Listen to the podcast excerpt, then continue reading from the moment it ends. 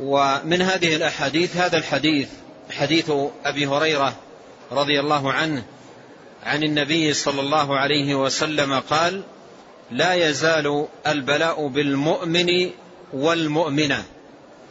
لا يزال تفيد هذه الكلمة أن هذا الأمر مستمرا وماضيا في حق المؤمن والمؤمنة تمحيصا له وتطهيرا. وتكفيرا لخطاياه لأن المصائب التي تصيبه ومنها الأمراض كفارات وفيها تطهير له. ولهذا من نعمة الله عز وجل على عبده المؤمن وعلى أمته المؤمنة ابتلاؤهم بهذه المصائب لتكون كفارة لخطاياهم وذنوبهم. قال لا يزال البلاء بالمؤمن والمؤمنة. قال أهل العلم الواو هنا بمعنى أو. لا يزال البلاء بالمؤمن أو المؤمنة. أي أن المؤمن وكذلك المؤمنة يصابون في هذه الحياة بأنواع من البلاء أنواع من المصائب متنوعة على مر الأيام. تقل في أناس وتكثر في آخرين وتكون كفارة تكون كفارة للمؤمن. قال لا يزال البلاء بالمؤمن والمؤمنة في جسده وأهله وماله. وفي الرواية الأخرى وولده. الرواية الأخرى التي ساقها رحمه الله.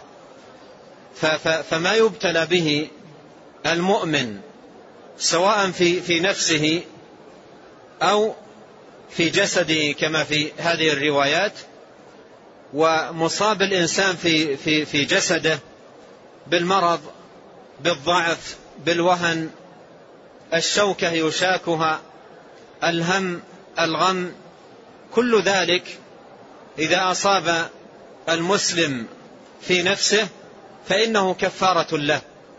أيضا ما يصاب في ماله من نقص في المال أو تعرض ماله لسرقة أو جائحة أو نحو ذلك من الآفات التي تعتري الأموال.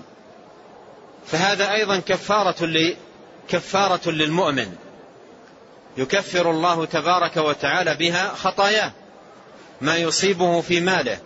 أيضا ما يصيبه في أهله من مرض أو سقم أو, أو موت محبوب وقريب أو نحو ذلك كل ذلك جعله الله سبحانه وتعالى أبوابا لعباده المؤمنين يكفر بهم عنهم الخطايا. قال لا يزال البلاء بالمؤمن والمؤمنة في جسده وأهله وماله حتى يلقى الله عز وجل وما عليه خطيئة. حتى يلقى الله عز وجل وما عليه خطيئة. أي أن هذه المصائب تحات الخطايا. تحات الخطايا. حتى يأتي المسلم ويلقى ربه يوم القيامة وقد تحاتت خطاياه وكفرت خطاياه بما أصيب به في هذه الحياة الدنيا بأنواع من المصائب.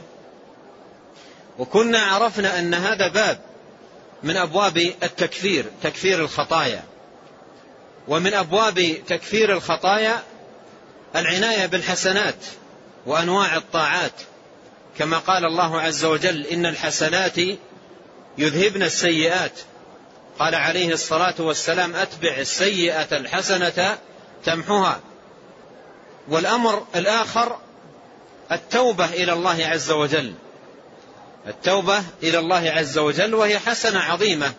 من أحسن الحسنات وأعظمها التوبة النصوح من كل ذنب وخطيئة.